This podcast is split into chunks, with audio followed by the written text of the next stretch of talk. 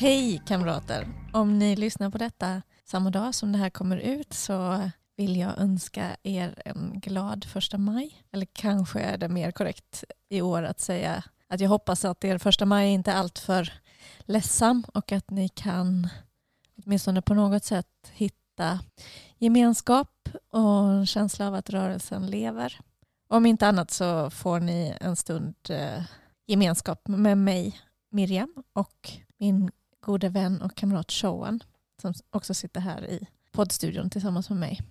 Hej Miriam och hej alla kära kamrater där ute. Jag önskar er också en väldigt god eh, kampdag eh, och hoppas att den berikas med en hel del kampglöd och eh, glädje.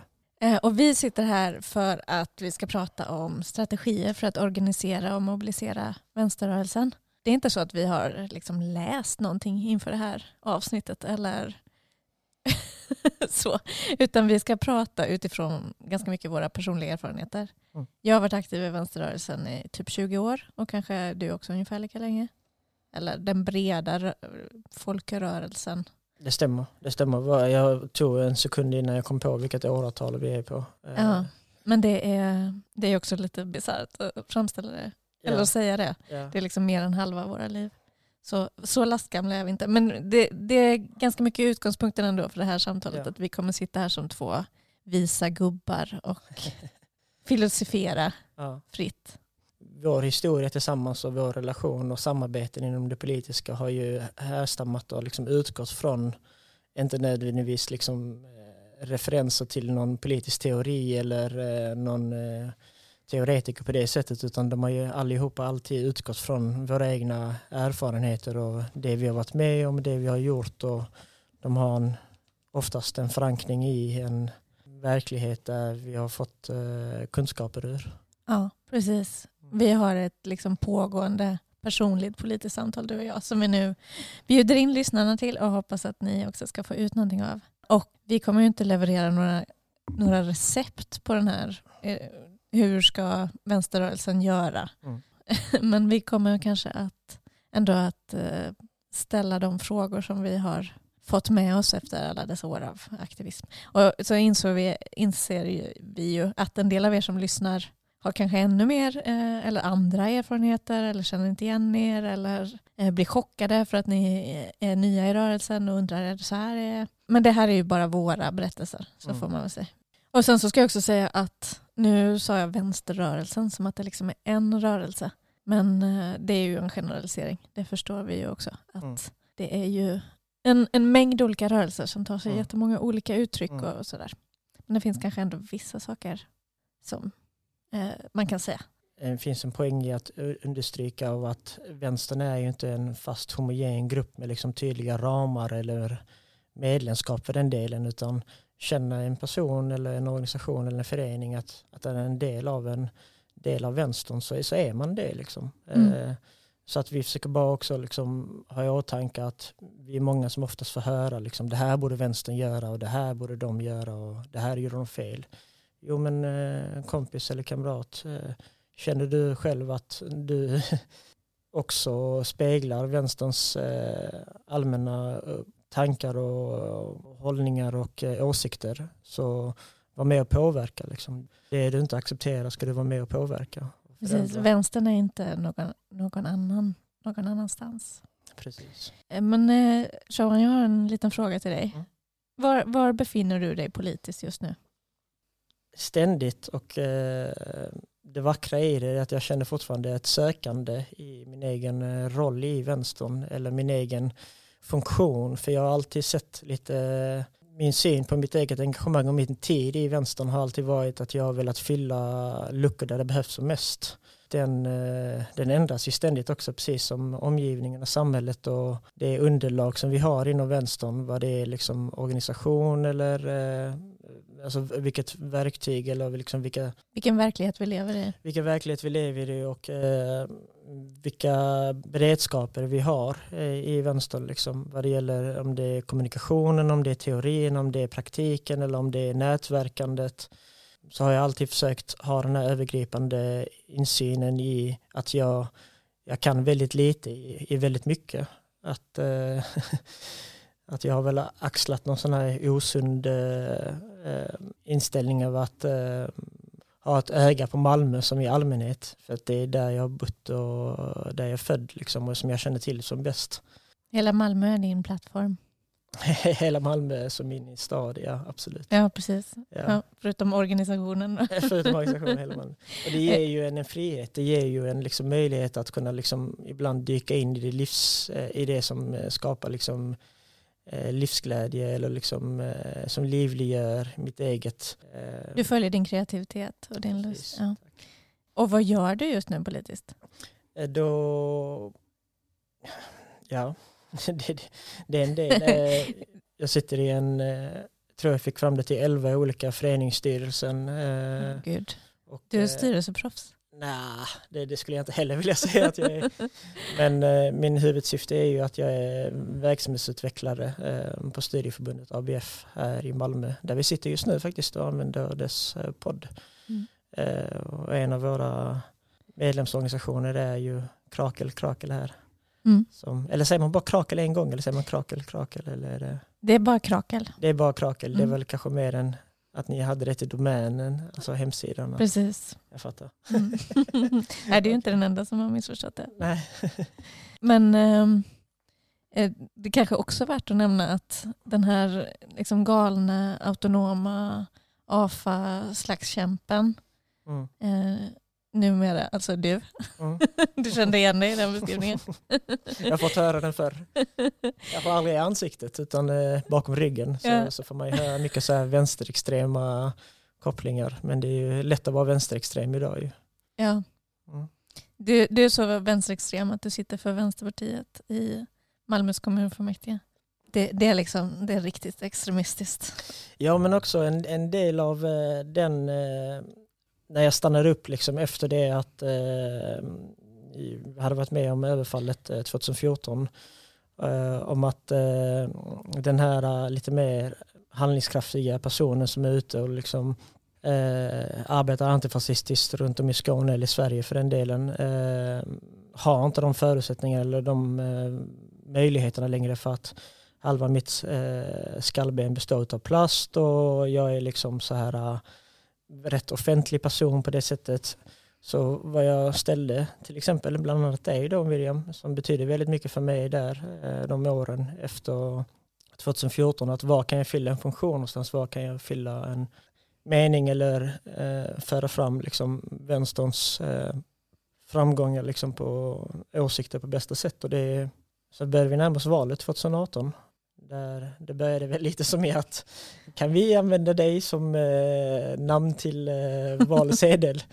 Eh, jo visst, om det gynnar, eh, om det gynnar Vänsterpartiets eh, framgångar som i allmänhet så varför inte? Och jag hamnade ju lite högre upp i valsedeln än vad jag trodde först men eh, det gav mig också än en gång en möjlighet att arbeta politiskt i staden på ett nytt sätt, eh, parlamentariskt och eh, det är jag väldigt tacksam för. Viktigast av allt ska sägas också i vårt samarbetspartner, eller när vi lärde känna varandra som mest 2016 eller 2017 tror jag. Det var ju att eh, jag är onekligen, likt många andra, är en person som eh, eh berörs väldigt mycket och, och har väldigt mycket, sätter mycket värde i liksom, känsla av gemenskap och känsla av sammanhang. Att jag vill delta i en större rörelse som är i, som är i fram, inte bara framgång utan som rör på sig. Liksom en, en organisation eller ett parti för den här delen. Även om inte jag ser, likt många andra, Vänsterpartiet Malmö som, en, som ett parti nödvändigtvis. Utan vi brukar säga att vi är rörelsens röst i parlamentet och eh, att det utomparlamentariska arbetet är ju det som har gjort oss eh, så framgångsrika att vi har den största partiföreningen i Sverige med 2000 medlemmar och om jag inte missminner mig helt så har vi också alltid årligen de största första maj-demonstrationerna i Malmö. Och att jag då har gått från det mer utomparlamentariska autonoma bakgrunden in i det parlamentariska medan du själv Miriam kanske har också liksom haft ordförandeskapet i Sveriges största partiförening och haft förtroendeuppdrag, vilket jag i och för sig fortfarande har i kulturnämnden.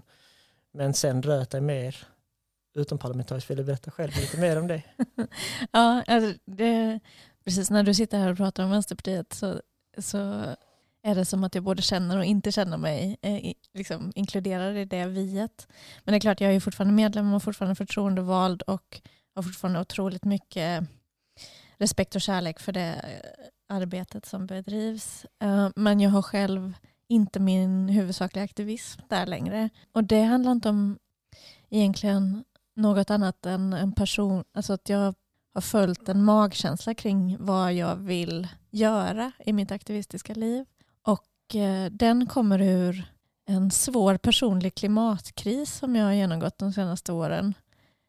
Där jag helt enkelt har kommit till någon slags krisinsikt som vänder upp och ner på allt kan man väl säga. Alltså som innebär att efter de insikter jag kommit till så, så upplever jag att jag inte kan fortsätta att framförallt liksom arbeta för att upprätthålla ett system som är så destruktivt. Mm. Och dessutom så har jag nu också börjat tänka mer på rörelsen. Alltså, I ett parti så blir det ofrånkomligen så att man arbetar väldigt mycket mot ett mål. Mm. Eh, målet att vinna röster kanske framför allt men också liksom andra mål som man tydligt sätter upp. Mm. Och själva rörelsen är på ett sätt sekundär. Mm. Och man, det kan också bli att man offrar rätt mycket för det där målet. Eh, så att liksom hur själva rörelsen har det inte alltid är så, blir så viktigt i sig. Och det har jag allt mer då kommit att känna att jo men det är viktigt i sig, det är otroligt viktigt. Mm. Eh, om vi går mot en framtid som är allt mörkare, både på grund av klimatkrisen och på grund av eller liksom den fascistiska utveckling som jag tror kommer följa i klimatkrisens spår, då måste vi skapa rörelse som har ett värde här och nu, som skapar platser för allt det som systemet i övrigt inte skapar åt mm. oss. Så, och det är väl också det då som har drivit fram att jag håller på med krakel till exempel. Mm. så det var svaret på den frågan. Det ska ju sägas att liksom, det är inte så att jag är någon stor klimataktivist eller så. Jag kommer ju från andra håll i rörelsen. Men jag tänker att det här är någonting som den här krisinsikten mm. ju förstås måste gälla oss alla. Och kanske att jag kan känna också att partiet inte har tillräckligt med krisinsikt. Mm. Nej men också att oftast eh, är det liksom vid stunder av kris tyvärr på gott och ont eh, som vi får de största mm. gränsöverskridande samarbetena och framgångarna och eh, helt enkelt vänsterprojekt eller arbeten där vi, där vi möts som aktivister, som vi möts som partier eller organisationer och eh, inte bara kämpa mot någonting, också kämpa för någonting. Alltså jag tänker kring hur hela Kämpa Malmö-rörelsen liksom, som väldigt tydligt eh, angrep liksom en fascistisk eh, närvaro eh, i hjärtat här i Malmö och Möllan men också att den i sitt eh, rörelsebyggande också livliggjorde och visade ett, eh, ett Malmö som vi vill nå, som är präglat av kultur, som är präglat av socialistiskt arbete, av områdesorganisering, av stadsdels eh, mötesplatser och projekt och arbeten. Och, eh, ja, jag, jag tänker men, mm. absolut att mm. eh, tider av kris är ju inte tider när vänstern ska sitta still i båten och eh, liksom säkerställa sakernas ordning. Eller bara vara defensiv. Nej, utan tider av kris det är möjlighetshorisonter. Mm. Det är då man kan förflytta positioner. Mm. Det, det, är då um, verkligheten för många öppnar sig Precis. på ett sätt där man kan komma in och liksom mm. visa på andra vägar framåt. Mm. Tider av kris tränger in sig eh, i människors eh, vardag, i människors kroppar. Kriser påverkar oss allihopa.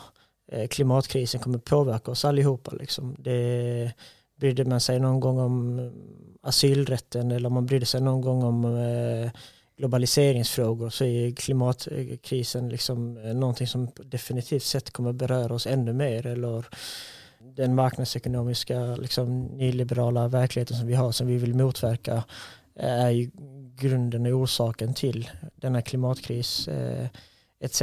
Och, Precis kommer yttra sig i vår verklighet och i vår vardag är ju det som du säger att eh, kriser är ju inte enbart ett tillfälle för att agera defensivt eller att eh, arbeta välgörenhet på det sättet utan vi jobbar solidariskt liksom där vi kommer med verktyg, där vi kommer med tro och eh, lösningar på hur vi inte kan bara motarbeta det som kan bli en kris utan också skapa utrymmen och livliggöra en, eh, ett framtidshopp helt enkelt. Ja, tack. En av vänsterns, vänsterns svåraste utmaningar är ju att vi lever i en så stark nyliberal hegemoni där ett otroligt sjukt samhällssystem hela tiden normaliseras och det framstår ständigt som att det här är det enda möjliga sättet att organisera mm. världen på trots att mm. det är så katastrofalt dåligt. Och vi ser inte ens hur dåligt det är. Eh, och när krisen kommer så blir det helt plötsligt en bräcka i den där hegemonin där lite ljus kan sippra in liksom. och där man kan måla en annan bild. Och bli påmind om vårt antal och eh, den styrkan vi har när vi lyckas framgångsrikt komplettera varandra i vilken utmaning det nu är som vi bemöter. Ja, och eh, det leder mig till nästa fråga som är kanske lite konstig men jag ska förklara efteråt varför jag ställer den. Vad, vad skulle du säga att du har för känslor i ditt politiska engagemang? Vad är det för känslor som driver dig? Det, det där tror jag som är så viktigt och så fint i, liksom, i de eh, samarbeten som jag och du har haft Miriam, det är att liksom, mycket av dem eh, härstammar och grundar sig i liksom, glädje, i hopp, i saker som värmer oss och saker som ger eh, meningsfullhet i vardagen att, att de får lov att vara väldigt enkla, de får lov att vara väldigt basala. Liksom att jag gör det här för att det är roligt. Jag gör det här för att det är någonting som jag delar ihop med dig eller en annan kamrat eller en annan rörelse. Det här gör jag för att det här finns ett stort behov av det. Eh, så det är jag ju enormt känslobaserad på det sättet att eh, för att kunna motivera mig själv och gå upp och liksom fortsätta jobba eller eh, hålla huvudet över vattenytan när vardagen kan kännas tuff så måste det vara någonting som ger mig liksom drivkraft, som ger mig eh, hopp eller liksom eh, känner mig handlingskraftighet. Eh, och att det här ständigt var i rörelse, vara ute på fält, liksom, vara ute och träffa människor, vara ute och kunna liksom fysiskt ta på det jag gör. Eh, att det yttrar sig liksom i också eh, någonting man kan se eller uppleva liksom, och främst dokumentera och sprida förhoppningsvis. Eh, för att kunna liksom mäta sina segrar och eh, att kunna liksom fira sina segrar och framgångar. Det, det är ryggraden i, i att kunna få mig mm. Glädje och lust och stolthet. Verkligen. Mm. Ja, nej men det är ju, mm. Min egen upplevelse i livet är ju att det är få saker som är så känslofyllda som den politiska kampen. Mm. Att det på många sätt finns det mm samma känslor och upplevelser mm. som det finns i kärlekslivet kanske.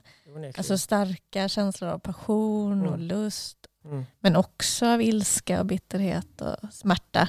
Och att kunna få det bekräftat hos någon annan, att jag upplever också det. Du är inte galen eller att det är fullt legitimt att eh, vi arbetar ut efter känslor eller att eh, saker och ting alltid inte går den vägen vi vill åt. Och, och, det, och det är för att komma tillbaka till kärleksdelen som är det viktigaste. Det är, det, det är ju där jag mm, i, i våra samarbeten Miriam eh, känt att det här intellektuella samtalet som så här får en att känna sig vid liv och att kunna utvecklas och bli glad liksom av att man förstår saker av varandra. Får jag en kärleksförklaring nu? Jag hoppas att allt det jag säger är en kärleksförklaring till dig. oh. Nej men anledningen till att jag frågar precis Mm. Det du säger att, att känslor är så otroligt centrala i det här vi gör och ändå mm. så är känslor, det emotionella livet, mm. psyket mm. och hur, hur vi fungerar som människor och grupper och så här, det är otroligt undervärderat. Att vi eh, tar inte tillräckligt med hänsyn till det. Mm. Vi använder inte tillräckligt mycket i våra politiska analyser och så vidare. Och jag tror att vi skulle förstå och kunna hantera världen mycket mer. Det är liksom ett strategitips att vi behöver lä läsa in oss på beteendevetenskap och psykologi och liksom, um, se detta mer. Och också alla de gångerna liksom i dagens eh, politiska samtal, eller klimat eller inom våra organisationer och arbeten där vi pratar ständigt om hållbarhet.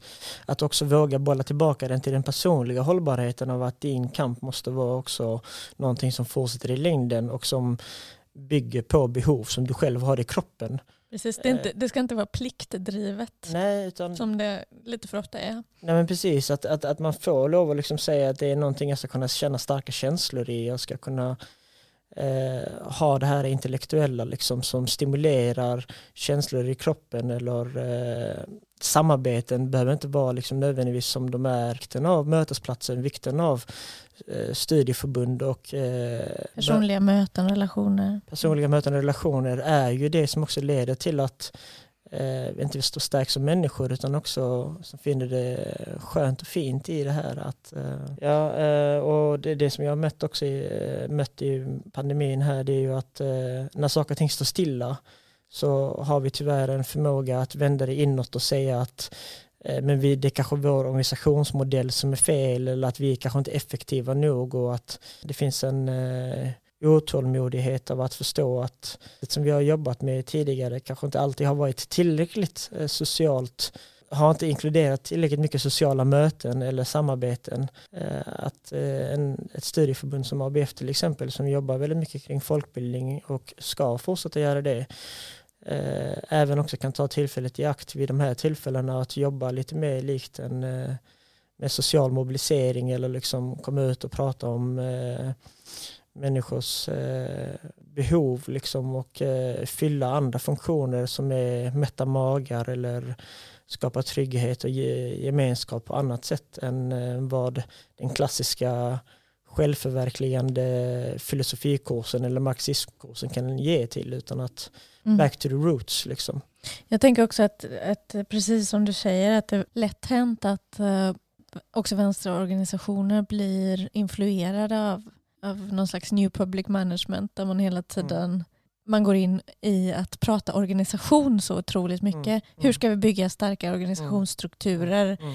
Strukturer, organisation, så här kalla... Statistik, mäta ja. framgång på det sättet. Ja. Uh, istället för att fundera över relationer och det sociala och känslor. Så. Och det personliga, nej, precis. Men jag tänker nu, nu pratar vi ganska mycket om positiva känslor. Mm. Men jag tänker att det, man måste också nämna de negativa känslor som finns, som förstås omgärdar det politiska också. Till exempel alltså upplevelsen av att vara förtryckt är också väldigt känslofylld och leder till mindervärde, till stress, ångest, rädsla. Mm. Och ett psykologiskt fenomen som jag också tycker är värt att, att prata mer om är det som kallas för resentiment. Mm. Berätta mer vad det betyder, så gärna. Ja, jag tänkte läsa från Wikipedia-artikeln. Det här är en folkbildande podd. Kör i vind, kör i vind. Och då står det så här på Wikipedia. Eh, resentiment är ett begrepp som först infördes av filosofen Sören Kierkegaard för att senare hos Nietzsche beskriva ett känsloläge hos individer som anser sig förorättade eller underlägsna. Det uttrycks sällan öppet och yttrar sig i, istället i avundsjukt förakt för mäktiga, rika eller friska människor och ibland i en uppvärdering av fattigdom och svaghet. Eh, resentiment uppkommer hos disponerade personer efter motgångar och misslyckanden och utgör en, en öm punkt, ett komplex som leder till överstarka reaktioner på liknande upplevelser. Eh, sådana kan fungera som nyckelupplevelser och utlösa vanföreställningar som till exempel vara förföljd av omgivningen. Det här är ingen perfekt eh, förklaring tycker inte jag så jag tänkte jag ska bryta ner det lite grann. Ja, men om man liksom förkortar det till att det handlar om, om den bitterhet eller känsla av, Eh, av bitterhet och mindervärde som väcks när man utsätts för orättvisor. Eh, det är lätt att den känslan, om man tänker att den skulle kunna paras med en politisk analys som gör att vi kan förstå varför de orättvisorna uppkommer och sen så kan vi längta efter befrielse från, från det förtrycket och så kan vi arbeta i en positiv riktning. Så det är också lätt hänt att, att det istället blir en drivkraft i sig som då ofta kan bli missryktad. Eh, och, och det här begreppet används eh, ofta om ja, det här samhällets så kallade förlorare. Alltså de som kanske haft en social ställning och förlorat den med samhällsutvecklingen eller eh, liksom sett välfärden raseras. Ja, det finns ju många samhällets förlorare mm. eh, som i sin tur väl vänder det här inte till en politisk eh, konstruktiv kraft utan till... Sparka neråt. Ja, precis. Alltså, eh, antietablissemangsrörelser och rasistiska rörelser och så förklaras ju ofta på det viset. Men jag tänker att, att det här fenomenet är mycket bredare än så. Att man själv också kan känna igen sig i det här eh, i högsta grad. Att rörelser mot förtryck kan drivas av en längtan efter frihet men också av bitterhet och ilska och hat. Att det är väldigt förståeligt. Och, och just det här som står i artikeln om att man kan ha varit med om upplevelser och sen triggas det igen. Det blir mm. så nyckelupplevelser. Mm. Vill du ge ett exempel? Ja, absolut. Jag tänker man som uh, kvinna i det här samhället, nu säger jag kvinna inom citationstecken, då, har man ju varit med om patriarkalt förtryck. Uh, och uh, det är lätt hänt då att de upplevelserna leder till att i alla följande möten med män så känner man en bitterhet och den mannen blir liksom en representant för hela systemet. Och saker som händer som inte behöver vara så stora, så eh, killar är snubbiga, mm, mm. Eh, väcker mycket starkare känslor. För man blir påmind om eh, underlägsenhet och förtryck mm. och så här. Mm. Och det här är då en upplevelse mm. som jag själv känner igen mig i väldigt mycket. Så att jag vill liksom inte, poängen här är inte att moralisera mot de individer som, som känner resentiment. Men däremot så tänker jag att det är värdefullt att förstå den mekanismen och hur mycket det påverkar oss. Och att det kan göra att vi omänskliggör varandra mm. i rörelsen och börjar liksom betrakta kamrater i rörelsen som symboler för förtryck som man är med om. Så det, liksom, det blir ju en slags grund för mm. politiserade personliga konflikter inom rörelsen. Och sen tänker jag också att liksom en, en rörelse som i hög grad utgår från ilska och sentiment är en svagare rörelse än en rörelse som är bejakande och som utgår från lust eller från tröst och omsorg mm. eh, och som liksom skapar ett gott alternativ. Att man förenas kring en vilja mm. till någonting positivt snarare än, än kring bitterhet. Men jag är, inte, jag är inte säker på detta men jag bara funderar över om man kan liksom formulera ett av vänsterns problem i de termerna. Mm. Ja, jag försöker smälta lite allt det du säger och eh, tänker att det oftast finns en hårfin balans i att, eh, lite som Rosa Luxemburg säger, att vår största revolutionära handling är att prata om verkligheten som den är. Och att eh, till exempel de exemplen som du inledde med liksom om att, om att vara en kvinna förhålla sig till män i sin omgivning. Liksom, och samtidigt som man har det i åtanke av att så här, varje män är en potentiell våldtäktsman och eh, präglas av liksom, den patriarkala uppväxten som man har haft eller miljön som man har växt upp i. Eh, samtidigt kunna behålla tron och eh, styrkan i att eh, ett annat sätt att leva på, ett annat sätt att eh, föda upp eh, barn och en framtida generation eh, är fortfarande möjligt. Liksom. Kunna liksom söka en eh, motivation i att eh, i sin egen omgivning eller i sin egen praktik kunna försöka föregå som ett eh, med mer lyckade exempel eller liksom eh, skapa egna, eh, inte parallella, men kunna skapa egna Goda platser. Finna goda platser, finna goda styrkor i att eh, våga själv, att göra något annat, liksom visa att det är som vi erbjuds i samhället idag eller de platser som vi har rätt till eh, av det lilla välfärden som vi har kvar, att kunna eh, våga träda ut ur dem och skapa eget, skapa egen infrastruktur, skapa, egen, eh, skapa egna liksom, verksamheter, kanske till och med förskolor eller skapa egna vägar in i den offentliga sektorn och, och stärka våra egna målgrupper eller stärka våra egna intressefrågor eh, som eh, Ja, alltså det är i den här riktningen som den här mm. klimatkrisen mm. som jag nämnde innan har lett mig, den personliga klimatkrisen. Insikten att ja, vi behöver ju kanske fortfarande jobba parlamentariskt för att mm. försvara det som finns kvar av välfärdsstaten.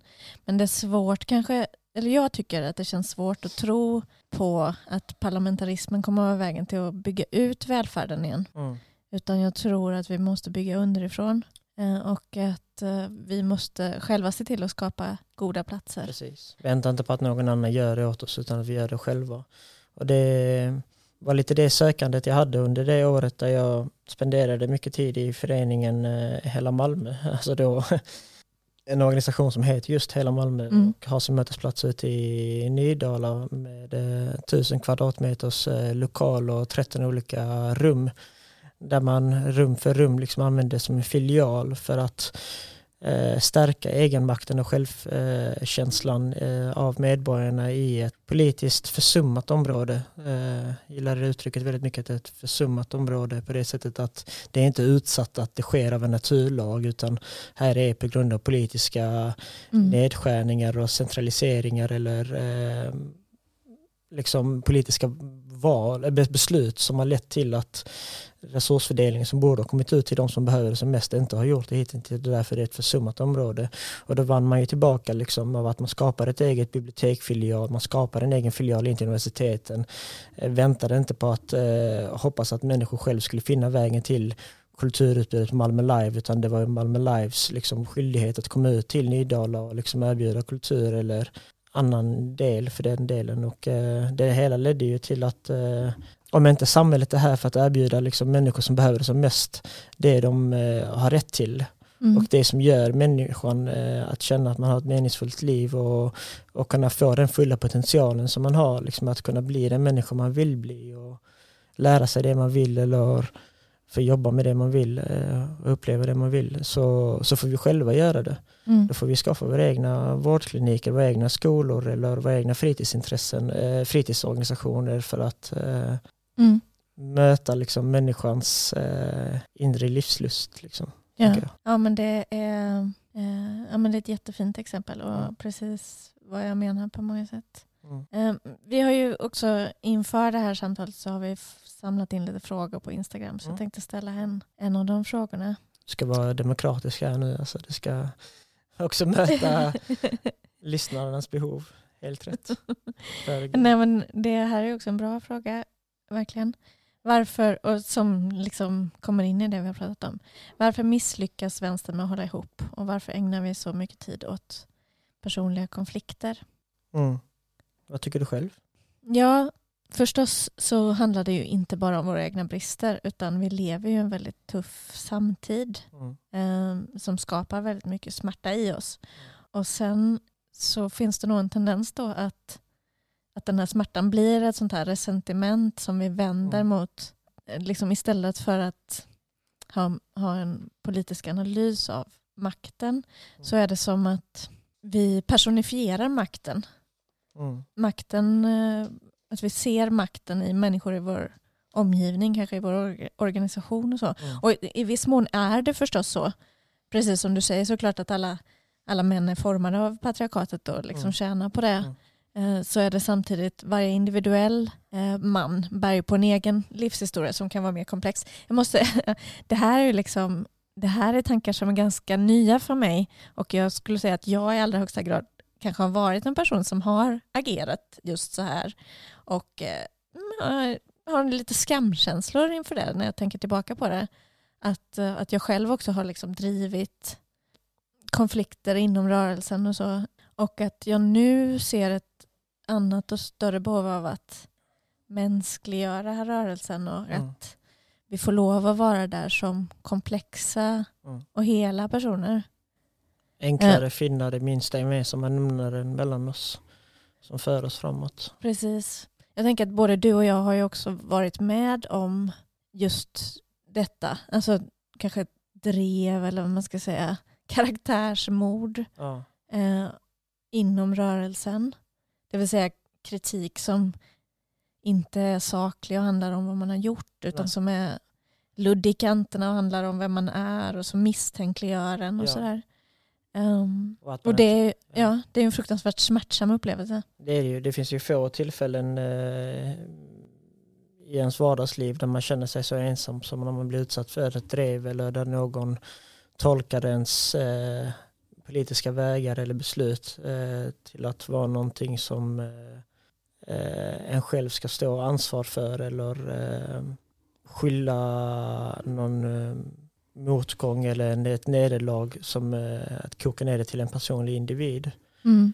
Det är mycket värre att vara med om att kamrater ser en på det viset än att liksom de som man betraktar som politiska fiender gör det. Onekligen, det är ett, det är ett jävla gift för att eh, man har själv förhoppningsvis tidigare alltid sett eh, kamrater runt om men även ifall man inte håller med dem för att de kanske är ideologiskt eh, på något annat plan eller deras verktyg används på annat sätt. Att man ändå har sett att man har förstått att vi har trots allt mer gemensamt än vad vi har eh, saker som skiljer oss emot. Och, på vissa tillfällen liksom blir den här med att min fiendes fiende är min vän. Mer än att eh, det var någon som skulle liksom eh, i, det, i, det, i den rörelse som vi bygger som är liksom eh, öppen för självkritik och som är öppen för eh, att eh, vältolka andra eller att eh, ha tålamod och förmåga att se likheter istället för skillnader. Att, att, att, att i den miljön då blir angripen eh, och får ett drev mot sig är ju, då är man väldigt skör för att eh, det är svårt att hantera plötsligt eh, den som angriper det som en, som en ren fiende för det är fortfarande någon som man förhoppningsvis vill komma skapa ett förstående i eller liksom komma, skapa ett eh, samförstånd eller mm. Men eh, men det, det är det jag är orolig för. att jag, jag kan nog inte själv med stolthet säga att men jag har alltid mänskliggjort andra. Mm. Men däremot kan jag säga att min ambition är att göra det mm. för, för framtiden mm. och försöka förstå just varför känner mm. den ena eller den andra som den gör. Mm. Men jag tänker också att, att den erfarenheten av att själv vara med om det, uh, om man uh, lever igenom det och stannar kvar, så ger det ju en, en ny, ny styrka och förståelse Helt för klart. hur det här fungerar. Ja, det, förhoppningsvis så leder det fram till en styrka. Liksom. För många människor så landar det också som ett, äh, kanske ett trauma eller liksom mm. ett, äh, äh, någonting som leder till en avhumanisering. Liksom. Äh. Precis, det är avhumaniseringen som är det jobbiga här. Så är det ju. Att, att man inte längre får vara en hel människa med komplexa sidor. Ja. Och folk glömmer bort att man har känslor. Jag ja. tänker att både du och jag är liksom halvoffentliga personer som säkert mm. kan framstå mm. som mm. Eh, väldigt liksom starka och lyckade eller så på mm. något sätt. Mm. Även vi eh, gråter ju. Mm. Eh, och, ja, det är lätt att, att, glömma bort det där, den där enkla sanningen att Precis. alla har sina ja. helveten och ja. att uh, och man behöver vara snäll mot varandra. är man stor och stark ska man vara snäll. Det Låt, sitter jag och låter frireligiös. Helt rätt. Nej, jag tänkte mer på Bamse. Ehm, men eh, också att eh, vid tillfällen av eh, drev eller personliga motgångar eller konflikter förstå att personens väg tillbaka till glädje och politiskt arbete som baserar sig på ehm, verkliga framgångar och politiska händelser. Eh, att, att, att, det, att det yttrar sig olika hos oss. Mitt senaste drev eh, när jag eh, hade använt, eh, vad ska man säga, ett enkelt populistiskt eh, eh, uttryck eh, gentemot en sverigedemokrat som de själva alltid har använt sedan de kom in i kommunfullmäktige i Malmö 92, eller var det 2002, att de eh, tycker att det är för mycket invandrare i Malmö. Och sen så fanns det en ledamot i Sverigedemokraterna i Malmö som tryckte på oss eh, under ett eh, anförande som mest att när jag fick, när jag, ta, när jag fick repliken eh, sa att men om du tycker det är så mycket invandrare i Malmö, ja, men då kan du kan jag bjuda dig på din resa hem till Iran själv för att han själv kom hit som en flykting. Så de väldigt duktigt då eh, inom högern eh, eh, utmålade mig också då som, de skrev om vänsterpartisten eh, var rasistisk mot invandraren i Sverigedemokraterna och så helt från tog mig min egen iranska bakgrund, persiska bakgrund. Eh, men att, att sättet för mig att kunna hantera den när liksom alla de här stora högertidningarna liksom drev på och liksom till och med Sverigedemokraternas eh, officiella liksom Twitterkonto liksom retweetade liksom de här dreven mot mig så att jag fick så personliga meddelanden och liknande. Sättet som jag hanterade det var ju inte det vackraste kanske. Jag, jag ska man säga, tappade det eller flippade ut lite liksom och började Jaha, men tycker ni att jag är en rasist då plötsligt för att jag använder Sverigedemokraternas egen retorik mot dem själva? ja men eh, så, så spann jag vidare på det liksom och jag behövde det för att kunna liksom inte bli helt knäpp eller avhumaniserad eller tänka att fan oavsett hur jag uttrycker mig inom det parlamentariska kommunfullmäktige debatter så kommer de använda det emot mig. Mm. Eh, ett annat gott exempel är Ung Vänsters eh, principprogram som de har haft i decennium. Där när högern plötsligt bestämmer sig för att så här, nu ska vi sätta liksom vänstern och Ung Vänstern på en ytterkants eh, extremiststämpel. Då lyfter vi upp att de vill eh, att den ideologin de anser vara närmast de själva är kommunismen och göra det till ett drev som sen till och med Aktuellt Rapport på SVT liksom hade med sig sitt eh, nyhetsprogram mm. och gjorde det till en nyhet. Men bara så här, men det har ju funnits i, i, alltså här, i tiotals år har det stått ja. likadant. Ja men hela den här dynamiken är så, det är så väldigt mycket samtiden också. Mm. Alltså det är en samtid som präglas av väldigt mycket mm. av eh, konflikter och mm. Eh, och eh, ja, men fascistoida mm. tendenser mm. där man är god eller ond, mm. eh, ren eller smutsig, mm. rätt eller fel. Mm. Och inte bara ens handlingar utan hela ens person. Yeah. Och, och, det finns i hela samhället. Och, men det problemet är ju att det också kan finnas fascistoida tendenser i den radikala rörelsen där man liksom börjar betrakta människor som goda eller onda, rätt eller fel, rena eller smutsiga. Absolut, och man vänder det, att man använder de dreven eh, mot sig själv och också börjar liksom, eh, tänka de tankarna. Eh, men tyvärr är det också det som du säger att eh, dagens eh, nyhetsvärde eller rampljus eller på annat sätt eh, det som får eh, utrymme och uppmärksamhet i det vi pratar om är just sådana här eh, saker som har en väldigt eh, tydlig konfliktvärde. Alltså att, att, att, det finns ett nyhetsvärde i de här konflikterna, liksom, speciellt också ifall vi sätter det emot oss själva eller att man på något sätt liksom avslöjar någons riktiga sida eller något. Och att, mm. att bli utsatt för det, den här maktlösheten eller liksom den känslan som kan uppstå i en eh, är ju förödande för människor och eh, det är nog tyvärr någonting vi kommer säga väldigt mycket mer i framtiden tror jag. Mm. När samtalet blir ännu mer eh, förskjutet eh, till det mer populistiska eller liksom polariserande. Liksom. Mm. Eh, och där högern allt mer vinner medieklimatet och vad som är dagens eh, samtalsämne, liksom, där de så enkelt kan den ena dagen säga att nu pratar vi om klaner eller förnedringsrån eller att man liksom fördummar och förenklar det politiska klimat, samtalet till mm. att handla om eh, eh, sådana konsekvenser som är allihopa en symptom av eh, det som vi ständigt har försökt eh, motarbeta, liksom ett marknadsekonomiskt liberalt skitsamhälle som leder till sådana symptomer i samhället. Liksom. Ja. ja, precis. Och, och jag tänker att eh, det vi måste göra är ju att synliggöra det förstås. Så medvetandegöra kring de kopplingarna. Men också att samtidigt som vi håller på med den här strukturella analysen och analysen av liksom den ekonomiska makten och så, så måste vi också ha ett projekt som handlar om humanism, om att mänskliggöra samhället, om att mm. liksom ha ett samhälle och en rörelse där vi får lov att vara hela komplexa personer som mm. misslyckas ibland, gör fel ibland, eh, är korkade ibland. Absolut. Eh, och att att en utgångspunkt där är också att människor är lärande varelser med potential att utvecklas. Mm. Ja. Vi människor vi, har, vi drivs jättemycket av affekter. Ja. Du blir skitarg i kommunfullmäktige och, ja. och säger någonting för att du är arg. Precis. Och sen så, liksom, ja.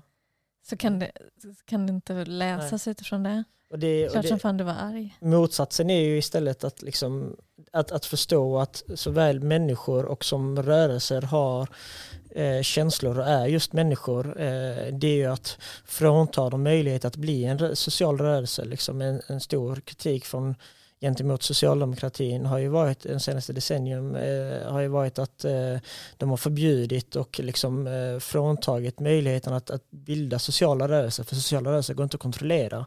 Det finns ju en risk att de liksom bildar sig själva och utvecklas och sen inser att den födande handen har varit den som också skapat och satt dem i som skapat problemen första början. Alltså om det, det hänger med vad jag, jag, tänker att... Ja precis, det här är nog också en, en eh, förändring i mitt synsätt mm. eh, som jag har genomgått. Att, eh, ja, men när jag var Vänsterpartiet Malmös ordförande så tyckte jag själv att det var rätt så viktigt att försöka ha koll på vad som hände i organisationen mm. och att det skulle styras ovanifrån. Och, så mm, mm. och nu tänker jag att um, just den där, det där behovet av kontroll är ett mm. problem i sig.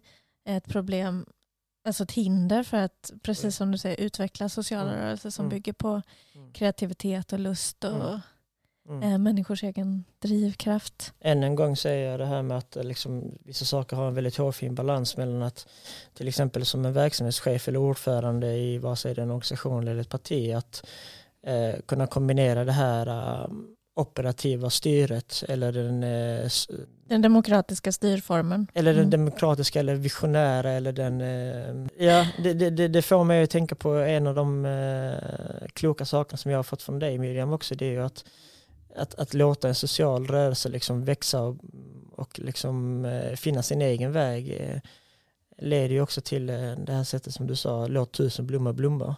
Och att de inte kommer kunna blomma ifall eh, vi går in och liksom operativt ska ha insyn och kontrollbehov över allting i den utan att vissa sociala rörelser kommer ju liksom själva, till exempel inom det parlamentariska eller utomparlamentariska, inse att vi kanske borde bli ett parti eller vi inte borde vara ett parti tvärt emot i, eh, och andra hållet istället. Mm. Men det kräver en rörelse som inte är så dogmatisk, som inte tycker att vi gör rätt och de gör fel. Här går en gräns mellan den bra vänstern och den dåliga vänstern. Ja. Mm.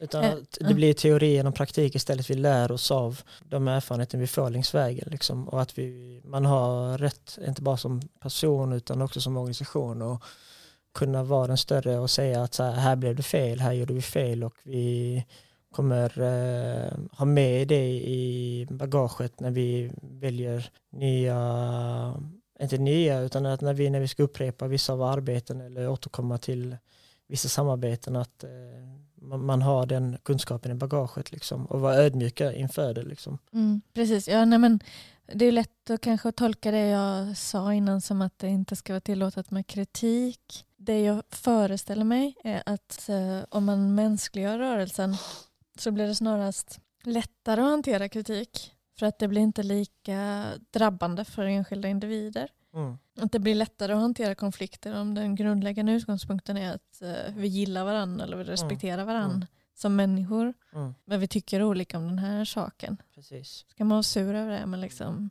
det är en annan sak än att mm. man tänker att här är ena sidan god och den andra sidan ond. Nej precis. Du, du är inte ute för att såga någon eller liksom så här cancella någon eller något liknande utan att, utan att tvärt emot få med den vad man kallar för kritiken. Jag har jättesvårt att säga själv att jag till exempel själv eh, ger kritik till någon annan utan att jag försöker se det som i att jag kan identifiera hos någon annan eller eh, ett beslut eller en handling som var så här, okej okay, det här var kanske inte det bästa här är istället tre andra exempel på hur man har kunnat göra annorlunda. Mm. Att, att, att inte kritiken stannar i att det där var fel, punkt slut, utan att hur kan vi göra om istället? Eller hur kan vi ställa om eller tänka om eller göra om? Precis, och jag tänker att en, en rörelse som klarar av att vara utforskande och nyfiken, alltså en lärande rörelse, mm. det krävs ju då att man får göra fel. Mm. För att man ska kunna lära sig att mm. göra om och mm. bättre. Men också att man förstås lyssnar på varandra mm. och har en lyhördhet inför saker som sker. Mm. gjorde det där ont i någon? Det. det. var inte bra. Mm. Eh, liksom, då måste vi tänka om kring, mm. kring hur vi gör saker. Du sa ju det här ordet cancella också. Alltså, mm. Jag tänker att det, den här cancelkulturen är också en del av den här fascistoida strömningen. Mm. Uh, att man, är, att man inte ska inte befatta sig med det som är smutsigt. Mm.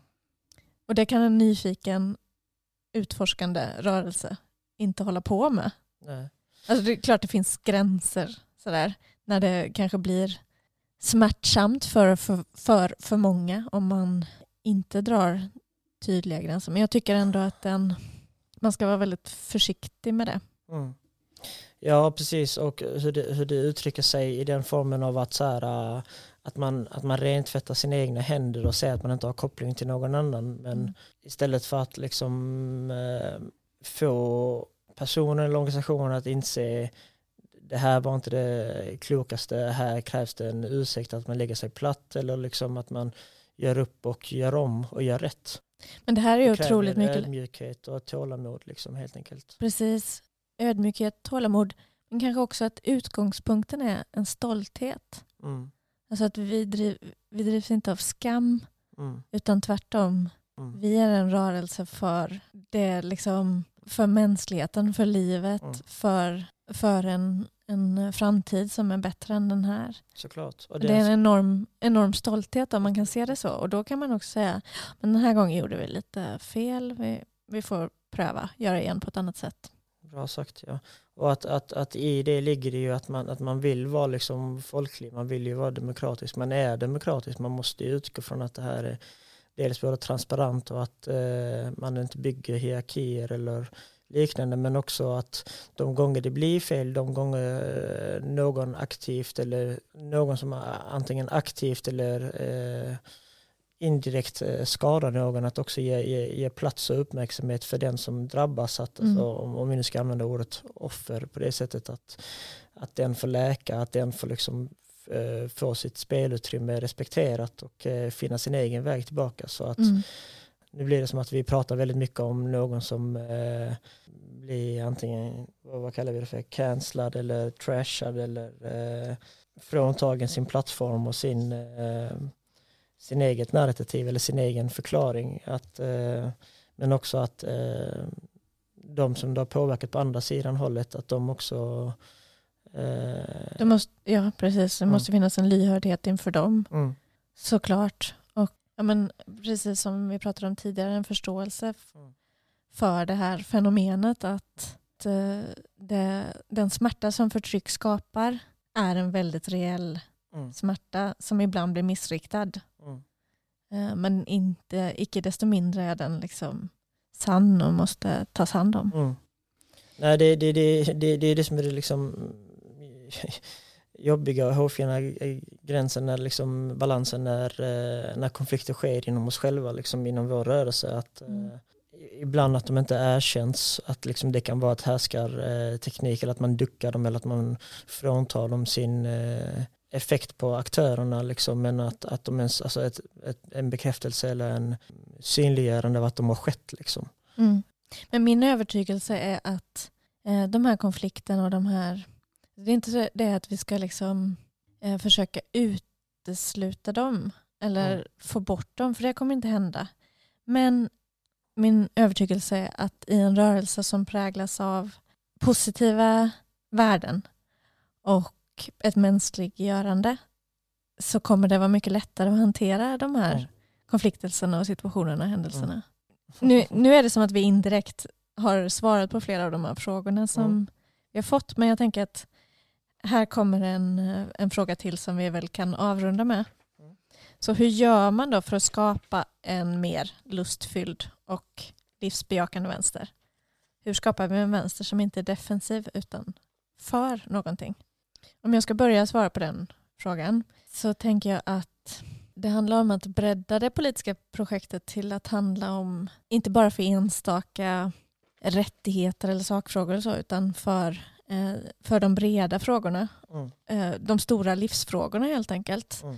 Eh, relationer, omsorg, kreativitet, gemenskap, utforskande, nyfikenhet, glädje, tolerans. Jag vet inte, rimmar det här väldigt illa mot med att vi brukar prata om oss själva som en motståndsrörelse, tänker du? Inte alls tvärtom, utan att eh, det var väldigt vackert sammanställt och eh, du lägger mycket, mycket vikt vid att eh, de här personliga mötena, eh, att träffas och att kunna liksom eh, låta de här eh, politiska arbetena landa i behov och känslor som vi har som får oss att känna oss eh, Eh, i liv, liksom, känna oss att vi utvecklas, känna att vi tycker att det här är vackert, att det här är fint.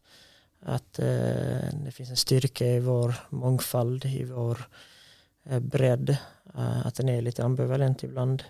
Eh, skapa muntliga berättelser, eh, skapa eh, levnadshistorier eh, kring våra egna utvecklingar och eh, på det sättet Påminna oss om våra segrar som du brukar säga. påminna oss om våra segrar, definitivt fira våra segrar, bekräfta våra segrar för motståndaren kommer ju aldrig göra det. Vi Mm. kan ju inte vänta på att Sydsvenskan ska göra stora reportage om vilka liksom, eh, långsiktiga pro eh, processer vi har haft som har lett fram till någonting utan de här är ju avgörande att vi själva liksom mäter och hyllar våra egna små steg som leder oss till rätt riktning. Ja. Men också att vi skapar att vi inbjuder andra, att vi, att vi skapar en miljö där vi bjuder in andra att också eh, skriva sina egna berättelser och skriva sina egna framtidshopp eh, om ett Malmö eller om ett eh, lokalsamhälle eller ett eh, rörelse. Liksom.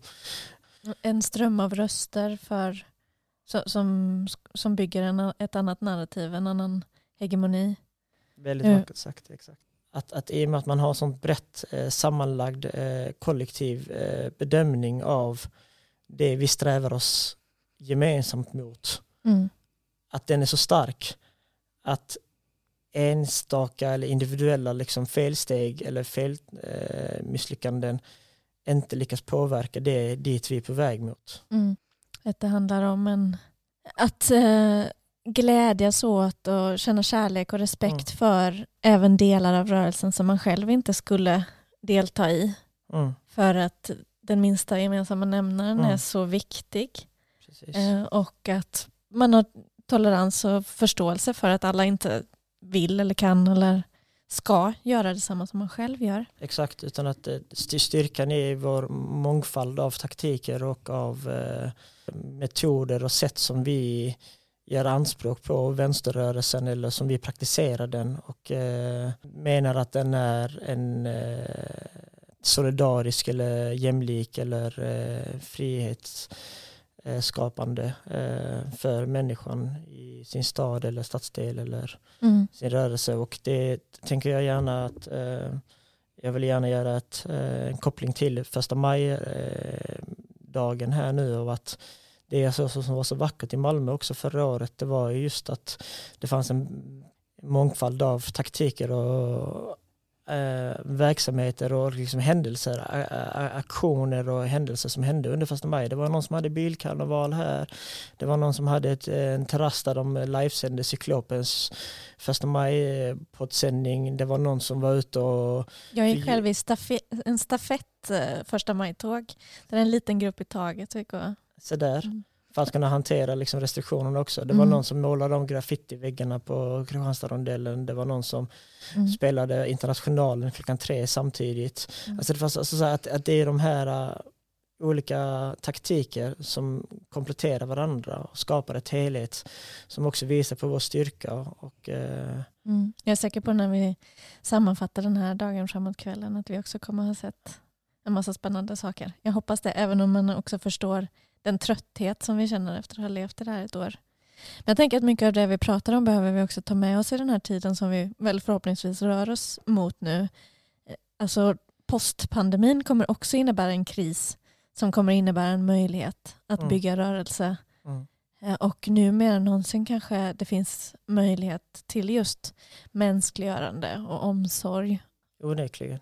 Och också veta om att de här plattformarna, de här, verk, alltså de här aktörerna finns där ute också i varje eh, kommun runt om i landet. Till exempel nu pratar jag om studieförbundet ABF liksom, som är det enda studieförbundet som finns i varje kommun i hela landet och oftast ingår också då ett, eh, en, ett Folkets hus. Liksom.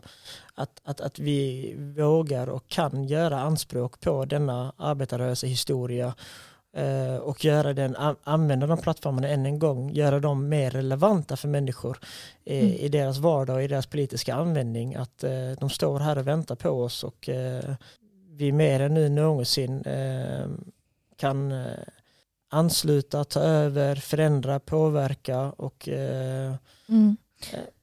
ja, helt enkelt liksom använda det som en plattform för mötesplats eller liksom vad det nu är för någonting. Liksom, men att återerövra dessa platser och organisationer och för att göra dem dels mer relevanta men också för att möta människor. Eh, Mm.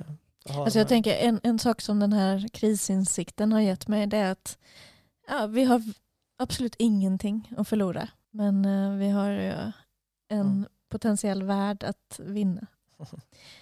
Eh, sagt. Det- ja, ska vi, jag tänker att vi kanske ska sluta ganska snart. För nu har vi pratat ganska länge. Men jag skulle ändå vilja säga någonting. För nu har vi pratat en del om problemen som Mm. finns. Mm. Och jag tycker ändå det är värdefullt att komma ihåg att mycket av de problemen beror på den otroligt tuffa samtid som vi lever i. Mm. Och inte på oss själva. Mm. Och att trots att samtiden är så tuff så är det mycket som vi gör. Vi lyckas skapa många platser, Mm eh, sammanhang, relationer, solidaritet och att eh, vi också ska ha en stor stolthet i det. Fint sagt, onekligen. Och eh, vad det, den här samtiden, vare sig det handlar om den politiska, liksom allt mer förskjutningen mot det mer kalla och individuella och egoistiska och högerextrema, att, eh, att det samtidigt också tydliggör nu mer än någonsin behovet för de som faller utanför eh, och som påverkas som mest av till exempel pandemin nu är Mm. att deras behov kvarstår fortfarande. Ju, liksom. alltså, tittar man på Maslows behovstrappa liksom, och utgår från att det, det mest basala finns det många delar av Malmö där människor inte får uppfyllt sina eh, enklaste basala behov. Eh, Mm. Det finns ma- magar och mättad, liksom. det finns ju gemenskap, trygghet, eh, fysiologi, eh, allt det här måste ju hängas med. Liksom. Mm. En av vänsterns tidigare, om jag ska vara så här äh, lite, inte kritisk, men om jag ska då än en gång bara så här äh, säga vad vi har kunnat göra bättre, det är ju att vi kommer ju oftast ut till människor och säger att här har ni ett självförverkligande, kom och lär dig marxismen eller filosofin för att då kommer du uppfylla liksom hela din behovstrappa medan människor säger fan det låter skitfett men bror jag behöver mat, bror jag behöver ett jobb. Eh, och att eh, de här äh, eh, behoven kanske inte alltid helt vi kan uppfylla men vi kan tackla dem mycket enklare tillsammans om vi också får med den verkligheten de människor som inte alltid eh, har samma förutsättningar eller eh, utgångsläge för att tackla de svårigheterna. Liksom, utan Mm. att, Ja, men äh, ehm, att vi ehm, dels behöver göra väldigt många olika saker, Mm. alltså Mm. den mångfalden, och att de sakerna är, är välkomna mm, och att utgångspunkten för dem är att skapa ett mänskligare samhälle och för, förbättra förutsättningarna för, för livet på något sätt. mer kärleksfullt och mer passion och jobba lite mer i affekt kanske också ibland. Gud vad det här är ett underbart första maj-avsnitt. Jag känner själv det i alla fall. Jag hoppas ni andra, ni som har lyssnat också, eh, tar med er lite av den, eh, den goda känslan som vi har här i ABF-studion i Malmö. Ta hand om er och eh, vi ses. Vi Puss och ses ute kram. på barrikaderna. Tack allihop. Vi ses i kampen helt enkelt. Ja. Hur den än uttrycker sig. Puss och kram. Tack.